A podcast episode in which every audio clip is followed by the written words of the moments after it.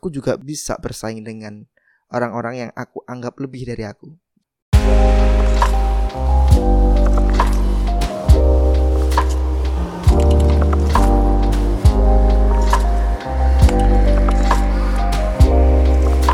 Hai semua, kali ini di podcast Kebun Cerita bersama thepodcaster.id dengan hashtagnya 30 hari bersuara. Kali ini kita akan cerita kisah soal awal mula. Sebelum itu, bagi yang mendengarkan podcast kali ini, apa yang ada di benak kamu ketika kamu mendengar awal mula? It's all about kamu datang ke dunia ini atau apa itu? Atau memulai bisnis atau memulai untuk menyayangi dia atau yang lain?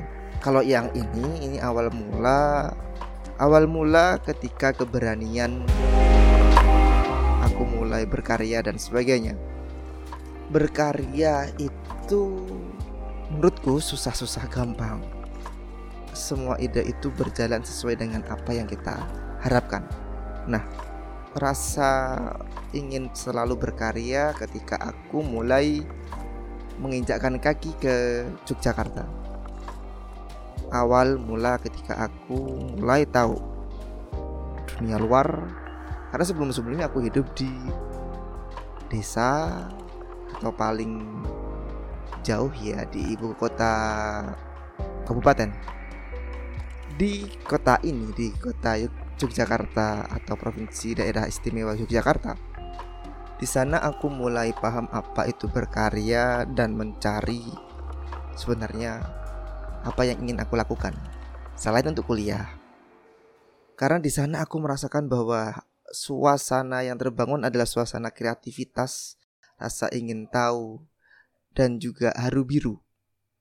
Mampu secara sadar nggak sadar menikmati atau merenungi kejadian-kejadian yang ada di sekitar kita.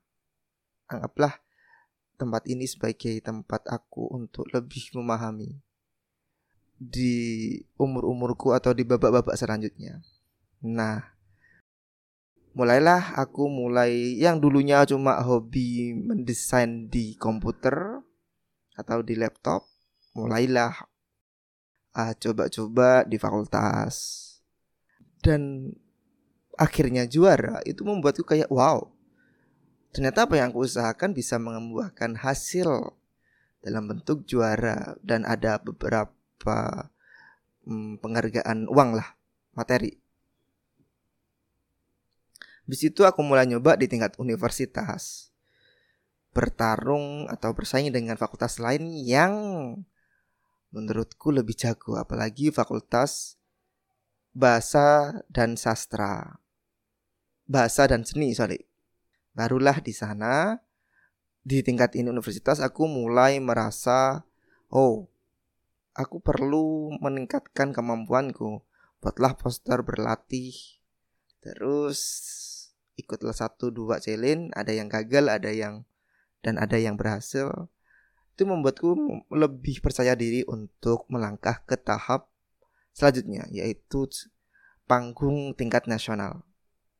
Di sanalah aku bertemu dengan orang-orang yang lebih jago lagi dari kampus atau dari masyarakat umum. Banyak gagalnya, tapi ternyata ada beberapa part atau bagian yang membuat berhasil. Ada cerita haru biru, ada cerita lucu dan sebagainya. Next time aku akan cerita. Dari awal mulai yang hanya sebatas hobi, coba untuk sebenarnya kemampuanku kalau dibandingkan dengan orang lain seperti apa. Nah, aku mencari pesaing dan akhirnya ya sekarang menjadi freelance dan menjadi salah satu bagian kerjaanku sekarang di digital marketing. Salah satunya adalah desain grafis, podcast, bikin video dan yang lainnya. Hal-hal ini yang membuatku yang awalnya hanya sebatas rasa nggak bisa, nggak mampu berasal berasal dari kampung desa. Ternyata aku juga bisa bersaing dengan orang-orang yang aku anggap lebih dari aku. Seperti quotes yang pernah aku dengar, berusahalah sampai idola yang kamu idolakan itu menjadi rekan atau pesaing di kelas yang sama.